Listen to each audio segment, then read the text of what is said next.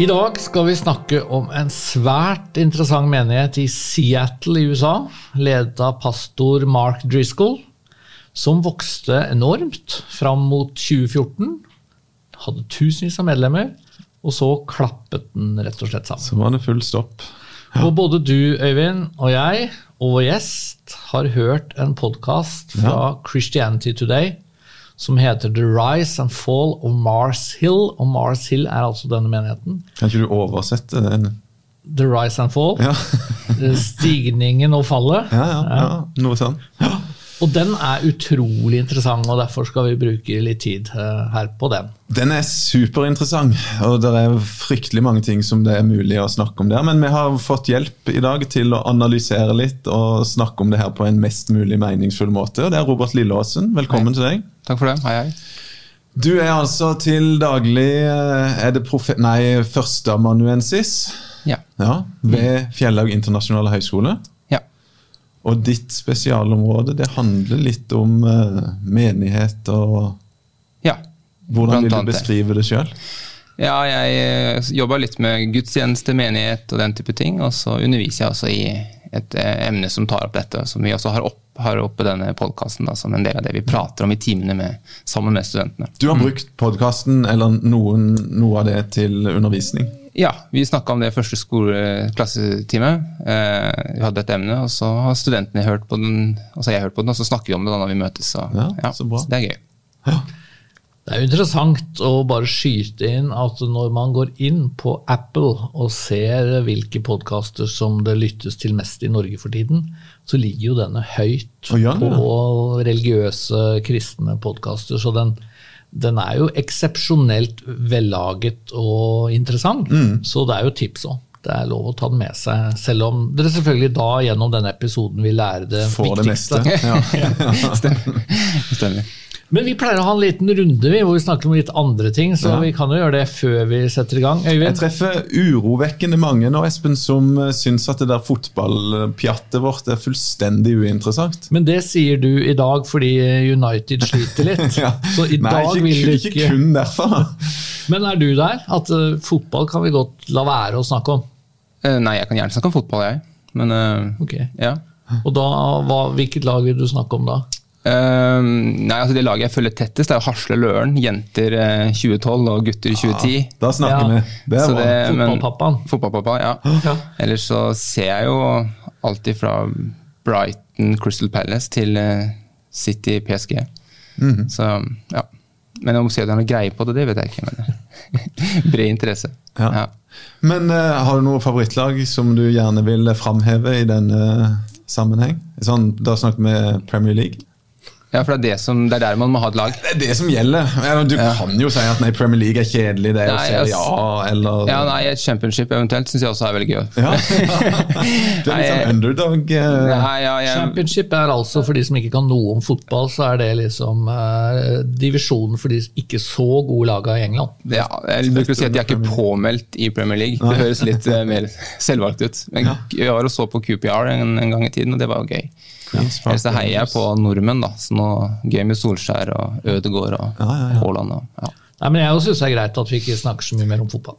Så vi kan gå videre. Sånn eierskap i Newcastle og sånne ting, det, det vil du helst ikke Men det, det vi lengter etter å høre nå, det er at du sier at nå vil du, i likhet med andre, bare si at det her går ikke lenger. Nå kan jeg ikke være Newcastle-supporter lenger. Nei. Etter at de blir kjøpt opp av arabiske oljepenger. Onde tunge vil jo si at det kan umulig koste meg mye Ja. å erklære Ja. i denne podkasten at nå heier jeg ikke lenger på Newcastle. Det er nærmest verdiløst. Det er sant, det. For jeg, jeg har jo forklart det før, jeg heier på Newcastle mest i sympati for en sønn som syns han har hatt mye tøffe stunder som Newcastle-fan. Så jeg kan godt erklære det. Men eh, Newcastle er altså oppkjøpt av eh, den saudi-arabiske stat. I hvert fall Ja, sånn oljefondet. Jeg Ja. tror det er liksom litt sånn oljefondaktig. Ja. Og det er mye å si om hvor lite trivelig det er. Ja. Men det er jo bare en nytt kapittel i den utviklinga som har vært. Det går en veldig, altså Hvis vi skal begynne å reklamere litt for ikke podkast, men dokumentarserie Premier League, en helt annen liga. Har du sett den, Robert? Nei. På NRK? Du reklamerte for den i forrige episode også. Gjorde jeg? Ja. Nei, det, det er en fare når du passerer 50, så begynner du å gjenta deg sjøl ganske mye.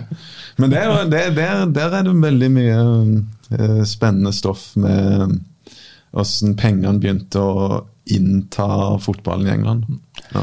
Men jeg hadde tenkt å lage en elegant overgang fra at vi snakket om Saudi-Arabias eierinteresser i Newcastle, og det faktum at du straks skal til området, altså Midtøsten. Midtøsten, ja. ja. Det skal jeg. Eh, Det blir en eh, litt sein eh, høstferie sammen med min frue. Pluss at når, når hun reiser hjem, så blir jeg der fortsatt og henger litt. Grann, og finne ut litt av det nye arbeidet som er i ferd med å starte opp der. Fem utsendinger som er i området. ja, Så det gleder jeg meg veldig til. Det blir spennende. Og noen av de er jo kommet raskt i gang òg. Det er vel et uh, ektepar, en lege, som allerede er i gang og jobber på et sykehus. Ja, hun er allerede i gang og jobber på det sykehuset, og så er det noen som må gjøre litt mer forberedelse før de kan komme i gang med sine ting. og ja, Business og litt forskjellig som jeg tenker er aktuelt å starte opp der. Ja. Så forsinket høstferie, og derfor er vi altså litt tidlig ute med denne podkasten. For de som følger nøye med, så ville de visst at, at nå er vi litt foran skjema, og det er fordi du skulle ut og reise. Mm. Ja. Så jeg får komme med en liten reiserapport om en stund, kanskje. Ja, neste episode. Vi kan allerede lokke med det. Da blir det nytt fra Midtøsten. Ja. Men skal vi gå i gang med Mars Hill? Ja. Eh, Vi må jo starte med å si litt om hva slags kirke var dette. Ja, Um, Det må vi jo få Robert til å eh, ja, si noe om, ikke det? Hva slags merkelapper kan vi sette på Mars Hill eh, den gangen det var en stigende suksess i Seattle? Ja, det er jo det vi ofte snakker om som en megakirke, i hvert fall det det ble etter hvert. Det begynte jo som mange av disse megakirkehistoriene med en liten gruppe mennesker som samles i noen hjem, og så vokste det eh, etter hvert masse, og ble kjempemange mennesker. Så um, de holdt til, i, holdt til i Seattle i Washington, sånn lengst oppe til venstre på, På kartet. på kartet, rett under Canada. Um, men det er litt interessant akkurat stedet, for det er jo ikke et av de stedene man Det er ikke bibelbelte. Nei, det er ikke et slags amerikansk bibelbelte, for å si det sånn. Snarere Nei. tvert imot. Nei, altså jeg forbinder eh, Seattle med Nirvana og Pearl Jam og, og den Nå viss er vi i bestemt musikk. musikkverdenen, ja. Ja. De var populære da jeg var Det var selvfølgelig etter deres tid, men ja. Og en, eh, ja, ikke, en, ikke, en, eh, ikke en del av bibelbeltet. Så, så det er også noe av det som nok gjorde de altså gjorde det veldig imponerende, det de fikk til. Mm. Em, det å klare å plante en stor kirke i Seattle, det, det en, var en bragd. Ja. Men vi snakker jo om dette nå fordi eh, denne podkasten har kommet, som eh, går veldig grundig gjennom kirkens historie, pastorens teologi, og hvorfor ting gikk så galt, på en måte.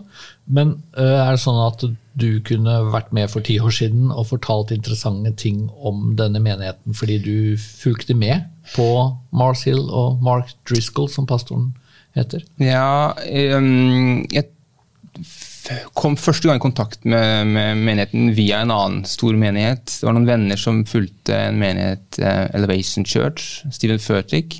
Og Der var det noen referanser til eh, Driscoll og Marcil, og sånn gjorde at jeg både hørte taler fra Elevation Church og, og, og fra Driscoll. da. Så, så jeg eh, har hørt noen taler av han da han var på høyden, og syntes det var interessant. Han er, en, eh, han er fortsatt en, en kjempeflink formidler. altså sånn Taler morsom, fengende, sjarmerende. I hvert fall eh, til en viss grad. Inntil et visst punkt, ja. Men altså, jeg, jeg forstår hans appell. da. Ja. Så, så, og, og selvfølgelig også det at vi i Europa og i Norge er jo interessert i noen som får til det å plante kirker i områder med, med en stor sekulær befolkning. Det er jo interessant for oss. Og sånn teologisk så var han, og er sikkert for alt jeg vet nå Jeg har ikke fulgt han etter ganske konservativ.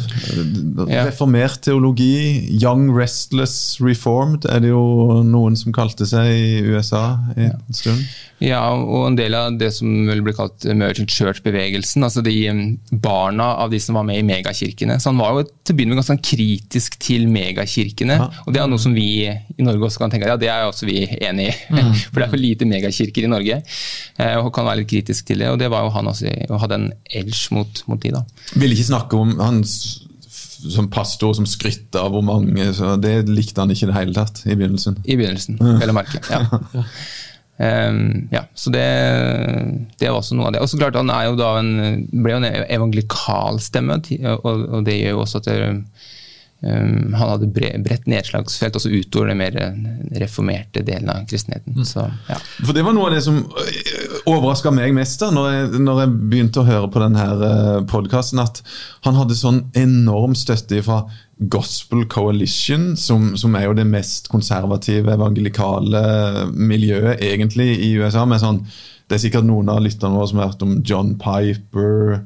Don Carson. Ja, MacArthur og, og, og han godeste Tim Keller, ikke sant? Som virkelig tok han inn i varmen og, og, og nærmest gjorde han som, som en sånn liten heltefigur i det selskapet der. Stemmer ikke det? Ja, det vet, det vet jeg ikke nok om, men, men noen vil kanskje også si at det også handlet om et forsøk på å veilede han. Altså Det også var noe av motivasjonen for å ta han inn. Altså, og, og, så, så var jeg litt forsiktig med å si at Men, men ja, han, han fikk i hvert fall litt, litt hjelp da med å etablere seg i, ved de miljøene, det kan jeg si. Ja, og for oss i Norge så er det jo litt sånn, tenker jeg, at de som figurerer innenfor eh, Gospel Coalition, de regner jo jeg med at det er sunne og står oss nær, da, for å si det sånn.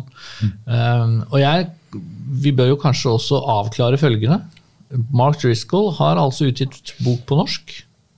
Jeg lurer på, lurer på hvem som var forlagssjef i Lunde da den boka ble utgitt.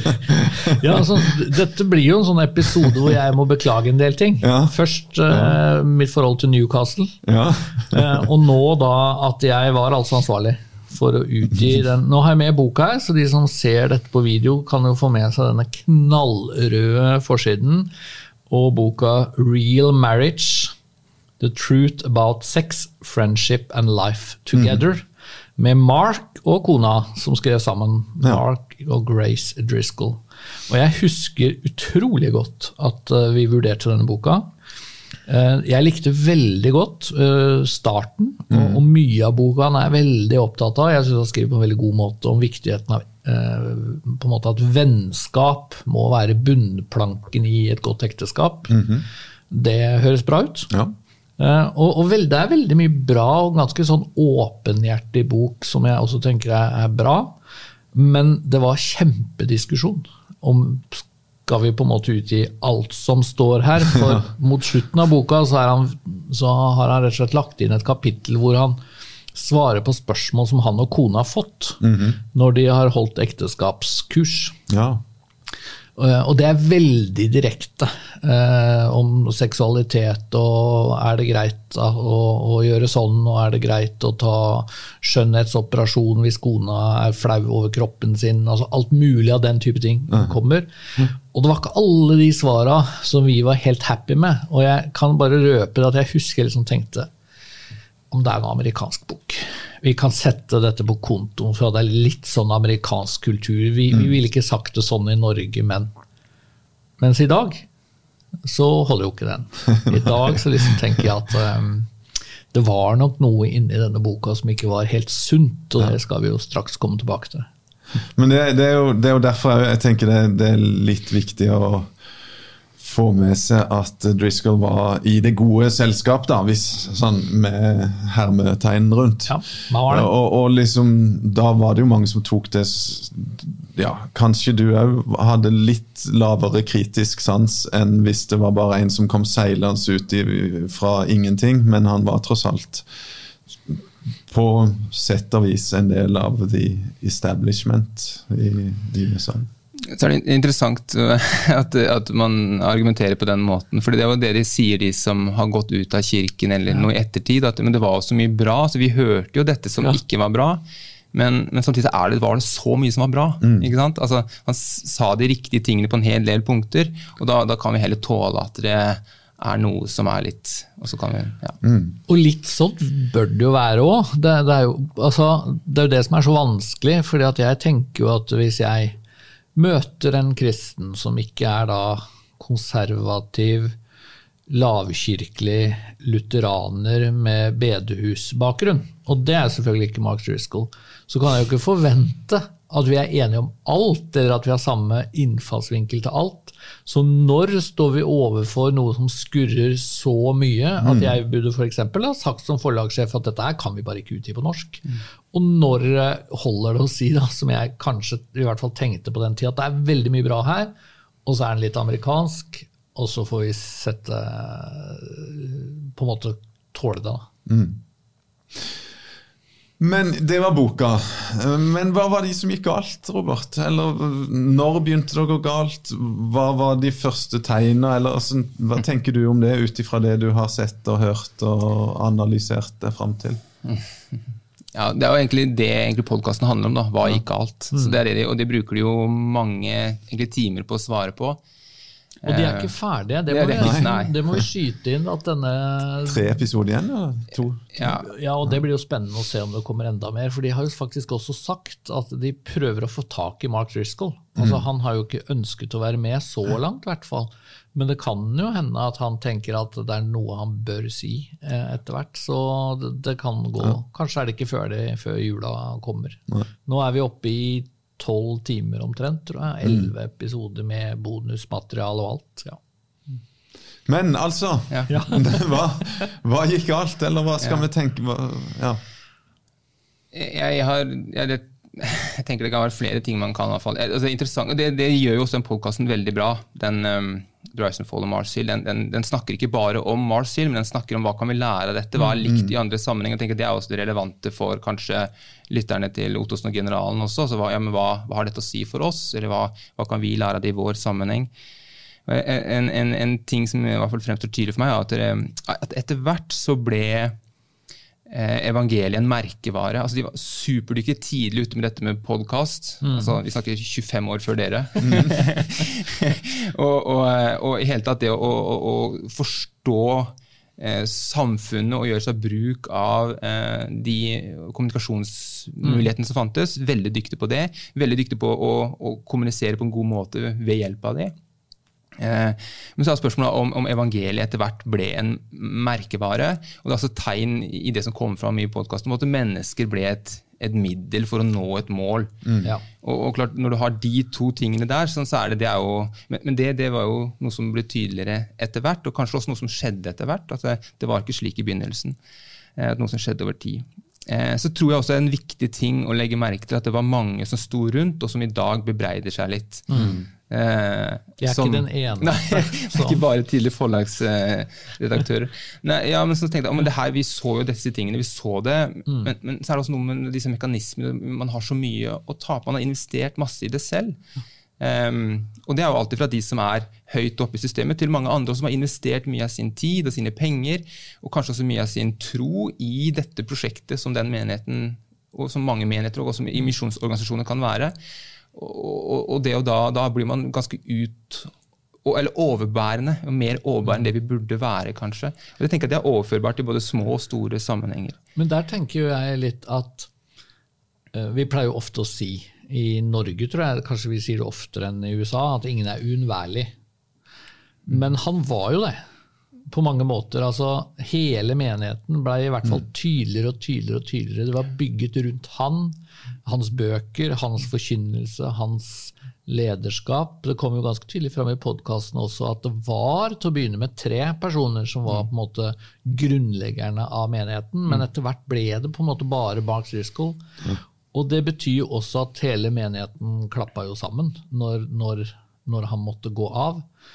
Men, og for meg så er det en sånn påminnelse om at vi må passe på at ikke vi har et sånt lederskapsideal hvor det er én person, hvor alt står og faller. For det kan jo også bli en fristelse for den personen. At jeg kan egentlig gjøre hva som helst, det er fordi folk skjønner at tupper de ut meg, så går alt nedenom igjen.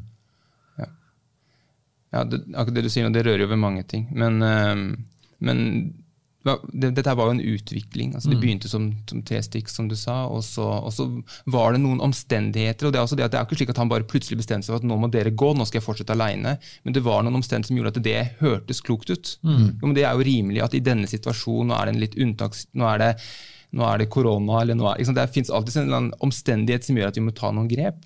Og, så, og så plutselig så sto han alene eh, og hadde mer eller mindre all, all makt. Og, altså, mange episoder, men En av mine favorittepisoder er den, som handler, den bonusepisoden som handler om, um, om opprinnelsesmyten. Ja. Hvor, hvor, han, hvor det kommer veldig tydelig fram Jeg synes, um, analysene er kjempegode. altså Det kommer veldig tydelig fram at, at han endret hvordan han fortalte hvordan Mars Hill ble til. Hvordan han, eh, pastor Driscoll, i stadig større grad ble sentrum i fortellingen. Og det som ble gjentatt gang etter gang. Jeg er veldig glad i liturgi og jobbet med det. og jeg tenker at Dette er et eksempel på hvor viktig det er at vi tenker. Hva er det vi gjentar hver gang vi kommer sammen? Og det de etter hvert gjentok hver gang, var jo dette at dette er en menighet som er bygd på kallet som han fikk. Og Han ikke hørte rett fra Gud. Ja. Du skal starte menighet, du skal ta deg av unge mennesker, du skal gifte deg med Grace og noen ordre til som Gud ga han. Og det var starten på det hele. Det gjentok han. Og, og det ble sånn spissa og, og mer og mer. Og klart, når, når han da ble borte, så ja, da var det ikke noe mer, da. Nei. Selv om det er det jo faktisk i dag. Det er jo elleve menigheter som fortsatt finnes, men som ikke er knytta sammen. Men, eh, men eh, ja. Så det, er- ja, det visste jeg ikke. Og Mm. det er jo viktig, da. Elleve menigheter. Det betyr jo også at uh, dette ble jo bevegelse. Det ble en megakirke med avleggere. Og, Ja. og, og det vi ser i dag, er da litt rester igjen, på en måte, heldigvis. Ja, det kan man, kan man si. Um, så de hadde menigheter i var det fire stater, og, og jeg tror det var 15 menigheter. eller noe sånt, og det var på det meste. Ja. Også, Begynte jo med sånn videooverføring. Det var de jo ganske tidlig ute Ja. med å ta i bruk. Stemmer. Ja. Noe av det som, som jo også kommer veldig fram i episoden, eh, eller episodene, er jo dette med kjønnsforståelsen. For der eh, altså I Misjonssambandet så er vi jo på en måte kjent for, noen vil si beryktet, for at vi mener at det er en viss forskjell på menn og kvinners eh, tjeneste i den kristne forsamling. og Vi har et hovedstyre med bare menn nå. Vi skal ikke bore dypt i det, men sammenligna med vårt ståsted, så gikk jo han utrolig langt egentlig å si at det skal være forskjell på menn og kvinner eh, på egentlig alle livets områder, og den forskjellen kan være ganske stor. Ja, hvis, hvis, hvis favorittepisoden var den opprinnelsesmyten, så var den vondeste å høre. Den har jeg hørt to ganger nå. Eh, den om, om hva vi gjør med kvinner. Med våre kvinner.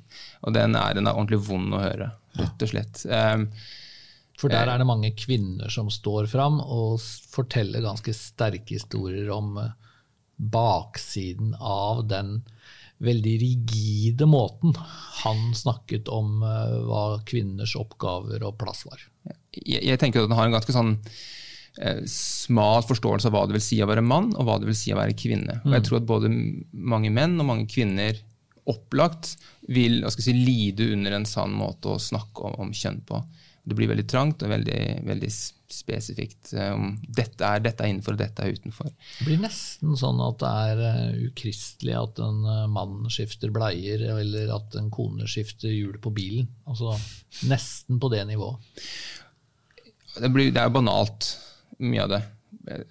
Og så, eh, så er det, det, det, Denne forkynnelsen rammer jo kvinner mest. Så når vi tre menn skal sitte og snakke om det, så er jo det interessant nok. Det er interessant å høre. Men klart, i, i, i podkasten er det mange kvinnestemmer som, som setter ord på det, også mange kvinner som har vært med i menighetene, eller menigheten, som, som også sier, og det er bra at det eh, kommer fram.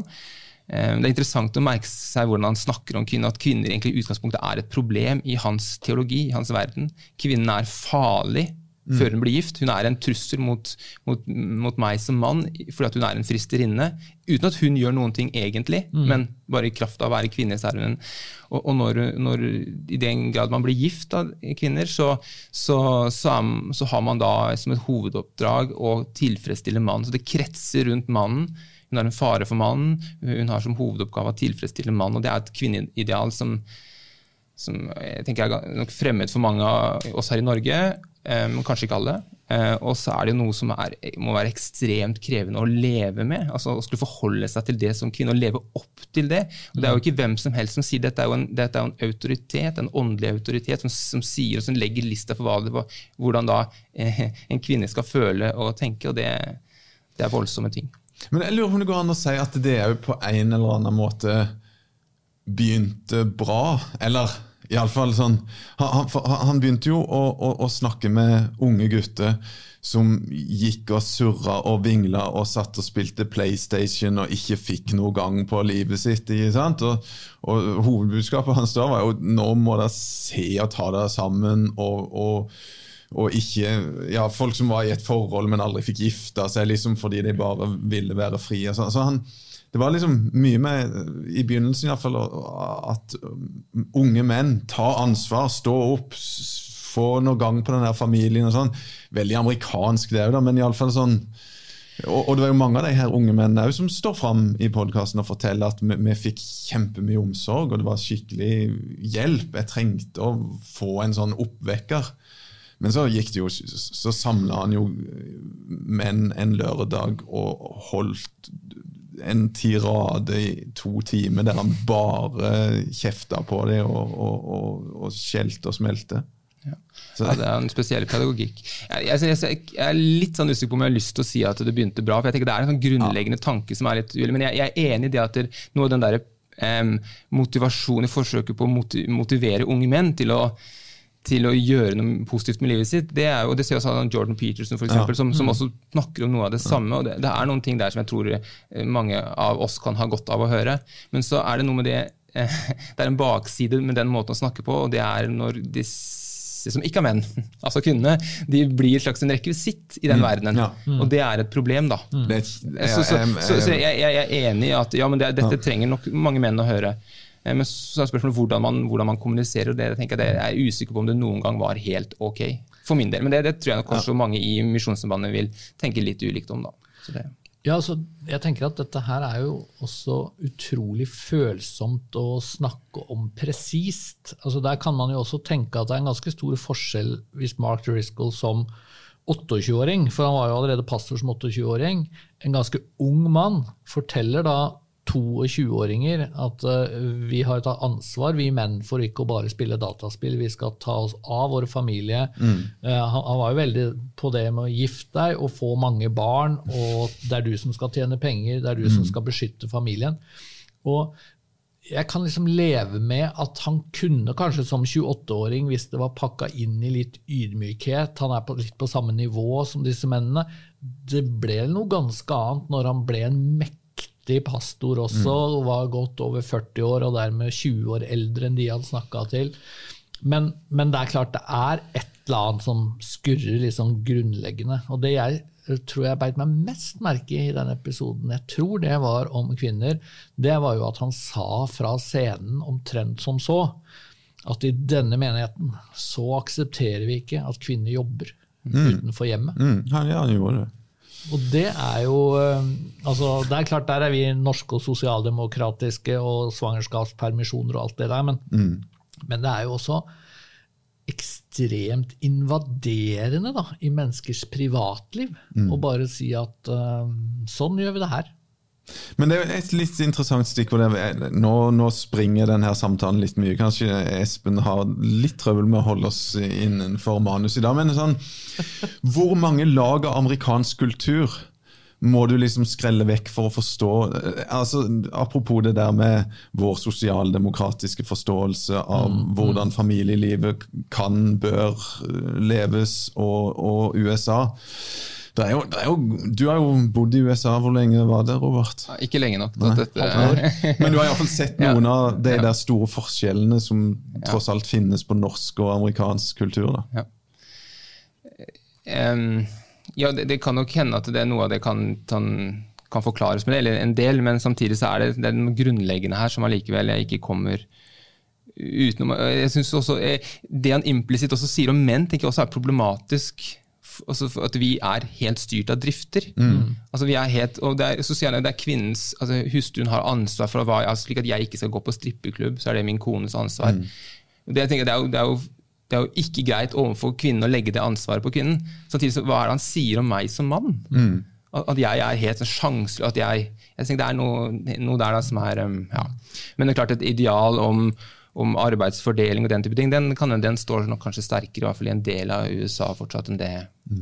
eh, den gjør i Norge. Men sånn, Hadde han Har noe forsøk, forsøk på å teologisk begrunne det her vanvittige forkynnelsen sin om, om menns og kvinners rolle og alt sånt? Det jeg vet ikke om jeg klarer å ta noen eksempler, men det, det, gjør han jo hele tiden. og Det er også noe av det som gjorde at han var så populær i mye av det evangelikale, og sikkert også blant en del nordmenn, var jo at han, han var jo en, en bibelutleggende forkynner. Mm. Det kan man jo være uten å være spesielt bibelsk, men han, han gikk jo gjennom bibelsteder og, og, og selvfølgelig Han hadde, hadde, sine perioder i ordspråken og, så videre, og høysangen og sånn, men altså, mm. det var mange bibeltekster som han kunne anvende, og også skapelsesberetning, den type ting, som han, men som han hadde sine tolkninger av, og så noen ganger så ble ting sagt med litt sånn fleipete tone, men så får du likevel en, en, en, opplevelse at det her ligger noe under, og han likevel mener kanskje noe med det, mer med det, og så er det helt tatt måten han skal kommunisere på rundt dette som er. Men han, han, men han hadde jo en form for bibelsk, eller utleggelse av Bibelen ja. i mm. tilknytning til det. Ja. Men hva tenker du utenom det med Jeg er jo helt enig, bare for å understreke det, altså at det, det er jo det er, jeg ble sjokkert når jeg hørte den episoden som du sier. Var, var, at det gikk an å forkynne sånn så lenge, og at, at kvinner og menn fant seg i det. da. Men, men det, det, var mange av de som var veldig sterkt følelsesmessig knytta til han òg. Han, han, han, og kona tok seg jo av folk i nød, og det var jo liksom Det ble jo bygd en sånn ekstremt sterk lojalitet da, mm. fra begynnelsen. Og, og, og, det er jo også en, en, ting som det er verdt å merke seg for. Altså, hvem er Det vi, og det handler litt om den opprinnelsesmyten igjen, kanskje også. Hva er det vi kobler mennesker på? Vi, dere driver en organisasjon som, som, er opptatt av relasjonsbyggende arbeid. og Det tenker jeg det er et nyttig arbeidsredskap, mm. eller hvis vi kan mm. kalle en relasjon enn det. Eh, men, men, det å tenke hvem er det vi kobler mennesker på mm. eh, og klart Her var det mange mennesker som var kobla på Mark Driscoll. Og, det er, jo, det er, jo, ikke det vi dypest sett trenger. Mm. Eh, og, og, det er noe farlig. Og det, ja, det må man i hvert fall være seg bevisst da, når man, når man jobber med dette. Mm. Eh, nå har vi vært innom uh, litt forskjellig. Uh, autoritær lederstil, tror jeg vi må kunne kalle det. Denne opprinnelsesmyten hvor han står utrolig sentralt. Hans fortelling om kall. Vi har snakka om kjønn, kjønnsroller og også seksualitet. hvor det vi kanskje ikke har vært innom, er jo at han, han var veldig vulgær til tider. Altså veldig sånn breial, både når han snakka om seksualitet og kjønn, men kanskje litt sånn generelt òg. Eh, som, som, er litt ubehagelig. Det er, det, det, det er, ganske stor avstand fra en del av det han sier, og en del av de klippa vi møter, og til det vi vil kalle for en god, mild, ydmyk kommunikasjon det er ikke så lenge siden USA valgte en president som, som ble unnskyldt med noe sånn såkalt locker room talk. Mm. Altså Det er en, type, en måte å snakke på som, som da visstnok skal finnes i garderober hvor menn kan snakke fritt. Og Det er noe av det vi egentlig også ser her. da. Mm. Eh, og, og jeg, jeg, lurte litt på om, om han ble litt fanga av av formen sin. Altså han, hadde en, han var nærmest en sånn standup-komikers eh, måte å snakke på som er veldig fengende og veldig flink. Han, han, han, klarte å håndtere når publikum var med og lo, så publikum, da hører du, eh, ja. menigheten. Eh, så, så, så, så, fortsatte han. Han visste, han, var, var kjempedyktig på det. Men spørsmålet er jo da man også eh, ble litt fanga av det, av den måten å, å snakke på. Og så tror jeg også at det, noen syns det var litt frigjørende at noen sa det på den måten. var litt, litt mm. tøft, rett og slett. Mm. At det tilgir også av den, den macho undertonen som mm. finnes i menigheten, som, som selvfølgelig også har sammen med kvinnesyn og mer av dette. Og det er jo litt av det vi har hørt apropos USA med, med Trump, når han ble en president, og, og, at han har fått litt sånn ros for at han var ikke så politisk korrekt, så mm. forsiktig og så på den ene siden og på den andre siden. Så at, at det kan virke litt forfriskende, det kan man jo skjønne. Og, men, men, så gikk jo Driscoll veldig langt, da, og kanskje lenger og lenger også etter hvert som han ble mer og mer populær og, og fikk jo mye hyllest. da. Ja, Det er jo utfordringen også når, når, du, når noe av formen er at du er litt sjokkerende. Så blir det etter hvert vanskeligere og vanskeligere å være sjokkerende. Du må tøye strikken mer og mer.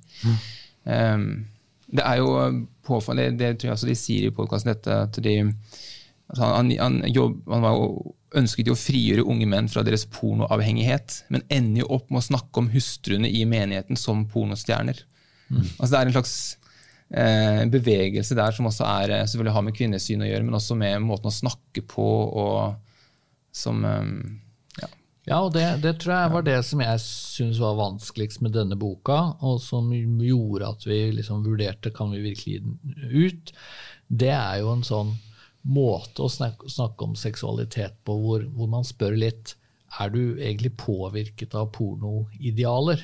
Altså jeg syns jo at eh, ja, når, når temaet er er det greit å ta skjønnhetsoperasjon eller silikon i brystene eller et eller annet sånt, så, så er det sånn Ja, hvis du får deg til å føle deg bedre, så kan det være kjempefint også for ekteskapet. En, en sånn måte å snakke om det på hvor isteden for å snakke om ja, hva slags kroppsidealer er det jeg da går god for?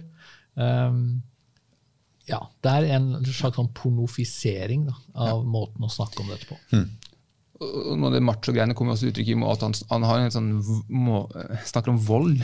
Han bruker voldsuttrykk for å altså Han truer med vold. og jeg, jeg tenker at de fleste som hørte tenker at det, det er en, bare en uttrykksmåte. Ja. Men helt at det at, der- at vold altså Jeg, jeg, jeg skal gå, go Old Testament on you. og, og eh, hadde det ikke vært for CNN, så skulle jeg banka dere. Altså, det er en del måter, og Jeg tror nok det var ment som en vits, men samtidig så den måten å snakke på da, er jo også, det sier også noe om kulturen, tenker jeg. Han lager jo en myte om seg sjøl at han hadde vært en sånn uh, gategutt. og som kanskje ikke var like sann, viser det seg, men, men at han liksom kom fra en sånn røff bakgrunn og kunne banke opp folk hvis han ville det. liksom. Så det er, det er, det, er, det er noe sånn skikkelig sånn djupt grunnleggende, kjempeproblematisk med hele fyren og det som han bygde opp etter hvert. altså. Så, så tror jeg nok også at det har større appell i USA. Altså, altså, altså, selv Billy Graham var jo en, en mann. altså sånn, en, en var ikke noe sånn Med rett til å bære Ja. våpen. Ja, ja. Så, så det er jo noe i det evangelikale i USA som også har en tiltrekning mot dette, eh, altså, men i andre former, da, selvfølgelig. Men, ja. Nå har jo de siste episodene eh, ikke kommet, som vi har vært inne på. og Det betyr at det gjenstår fortsatt litt informasjon kanskje om det som skjedde helt på slutten. da, Rett før menigheten altså klappa sammen og Driscoll slutta i 2014. Kan jo bare skyte inn det at han er fortsatt pastor, flytta til et helt annet sted i USA. Og er vel pastor i en da mye mindre menighet. Eh, Men det er jo også mange som er veldig opptatt av at han i altfor liten grad, grad ba skikkelig om unnskyldning for, for det han gjorde. Men er det noe, noe vi har glemt nå, Robert, når det gjelder uh, hva gikk galt? Hva, og, og kanskje også særlig hva kan vi lære av? Hva forteller denne podkastserien oss om uh, hva skal vi si, blinkende farelys for uh, oss som driver med kristen forkynnelse, veiledning og til og med har lyst til å bygge store menigheter? Det er jo en fortelling som i hvert fall minner oss på viktigheten av å spørre hvem gir vi ansvar, og hvordan følger vi opp de vi gir ansvar. Du sa han var 28 år. Eh, Så siden vi alle er 40 pluss, så kan vi si at jeg er veldig ung. Ja, jeg, tror, jeg er- tror han var omtrent ja, det når han men startet opp. jeg det er jo, altså det, det er, Jeg er ikke motstander av at unge mennesker får ansvar, men de, må, de trenger oppfølging og hjelp. De trenger systemer og rammer rundt seg. Um, og det er jo noe som man opplagt kan ta lærdom av. Um, så må vi stoppe og spørre hverandre hvem er det som tjener på det som skjer, og hvem taper hvis vi gjør endringer. Um, og, og, og har vi situasjoner eller systemer, sammenhenger, hvor saken blir for viktig, altså viktigere enn en menneskene oppi det. Og det tenker jeg at Den fristelsen kan jo finnes i, i veldig mange sammenhenger, og helt sikkert også på, på en høyskole som jeg jobber på, eller en misjonsorganisasjon, så kan iblant saken bli så viktig at vi er villige til å gå på kompromiss med, med moralen. og Da kan det ikke være egentlig det med all kristen virksomhet? Altså det, er, det er i hvert fall mulig å si at målet, hellige middelet, altså målet, nemlig å vinne mennesker for Jesus, eller på fjellet er enda mer spesifikt, da målet er å bygge en sunn, stor, god, solid en kristen høyskole, da bør ikke akkurat dette eh, komme ut i offentligheten. Den type eh, mekanismer tror jeg vi alltid har jeg, som en fristelse i kristen sammenheng. Så, så er dette spørsmålet om kultur for å si ifra, og hva skjer når man varsler. Det tenker jeg det er, det er problemstillinger som også berøres her, og som er aktuelle mm. for, for, mange av oss. Og så er dette spørsmålet om karakter. Altså Karakter er viktig. Det fins en hel del mennesker, det sier ganske eksplisitt i, i, i denne, denne podkasten, at det, det, er en del mennesker som har evner og gaver som tar det til steder som karakteren deres ikke kan bære. Altså, mm. um, og det det, det å bære popularitet, det å bære det å stå på en scene og oppleve at du har hele forsamlingen i din hånd, det skal litt til å takle. Og, det, det, kan jo skje, altså Dette var jo et, et, stort eksempel i en stor menighet i USA, men, men, vi har også våre scener og våre små dammer som noen kan være stor fisk i, som det kan bli fristende å eh, og, og si, bli litt fanget av den oppmerksomheten. Mm. Det, kan, eh, det kan eh, gjelde for veldig mange av oss i, i, større eller mindre sammenheng. Og Det tenker jeg også er noe som er verdt å, å være oppmerksom på, ja, mm. og vi kan ta lærdom av. Ja. Han, ble jo veldig opptatt av Jeg vet ikke hvor mye penger det var i det her maskineriet, men antageligvis uhorvelig mye, iallfall sett fra en sånn norsk eh, synspunkt. Og sånn, I begynnelsen så advarte han mot å tenke størrelse på menighet og antall, og sånn, men etter hvert så ble han jo helt ja, Jeg skal ikke si besatt, men veldig veldig opptatt av det. Og at og bøkene hans skulle ligge på New York uh, Times bestselgerliste, og, og at han hadde han kunne ikke la seg veilede av de her gamle, gode pastorene, for de hadde jo mindre menighet enn han. Så det, han ble jo ganske sånn stor på det etter hvert. Det tenker jeg det handler jo om karakter. Mm. Blant annet. Og så, så, minner det oss om hvor vanskelig dette er. For han er jo ikke den eneste verken pastoren i USA eller, eller kristen leder sånn som, i, som, i, Norge, og pastor i Norge som, som har opplevd at det har vært krevende å være leder, og krevende å få mye oppmerksomhet og være populær, eller hva man skal mm. kalle det. Så det, det, er jo en, det er kanskje også en, en, slags påminnelse til, til, alle oss som ikke er det, at det, det å huske på lederne våre og ha omsorg for dem, det, det, ja. For det er en veldig krevende jobb. Det sier jeg til studentene mine. at når de nå skal ut og bli megakirkepastorer og biskoper, så må dere minne dem på at dette er en krevende ting å være leder, og krevende ting å være kristenleder. Mm. Ja, jeg, jeg, tenker i hvert fall etter å ha hørt den podkastserien og hørt på en måte fortellingen om menigheten og Mark Driscoll og den posisjonen han fikk, og det fallet da som kom, så, så tenker jeg at det er jo i det er masse som er forskjellig fra en amerikansk kultur og en amerikansk situasjon og det å være megakirkemenighet. Jeg tror det er ganske mye i Misjonssambandet som hjelper oss kanskje til å ikke gjøre i hvert fall helt de samme feilene. Og samtidig, det er noe gjenkjennelig, det er noen mekanismer, det er noe som, som kan eh, si, ramme oss alle. Det er noen faresignaler som, er nyttige. Og, og, det er jo viktig å få sagt også da, for de som har hørt denne podkasten, at den er lagd av Christianity Today. Den er lagd av en uh, Mike, Mark, nei, Mike Casper, uh, som selv har vært uh, pastor. Mm.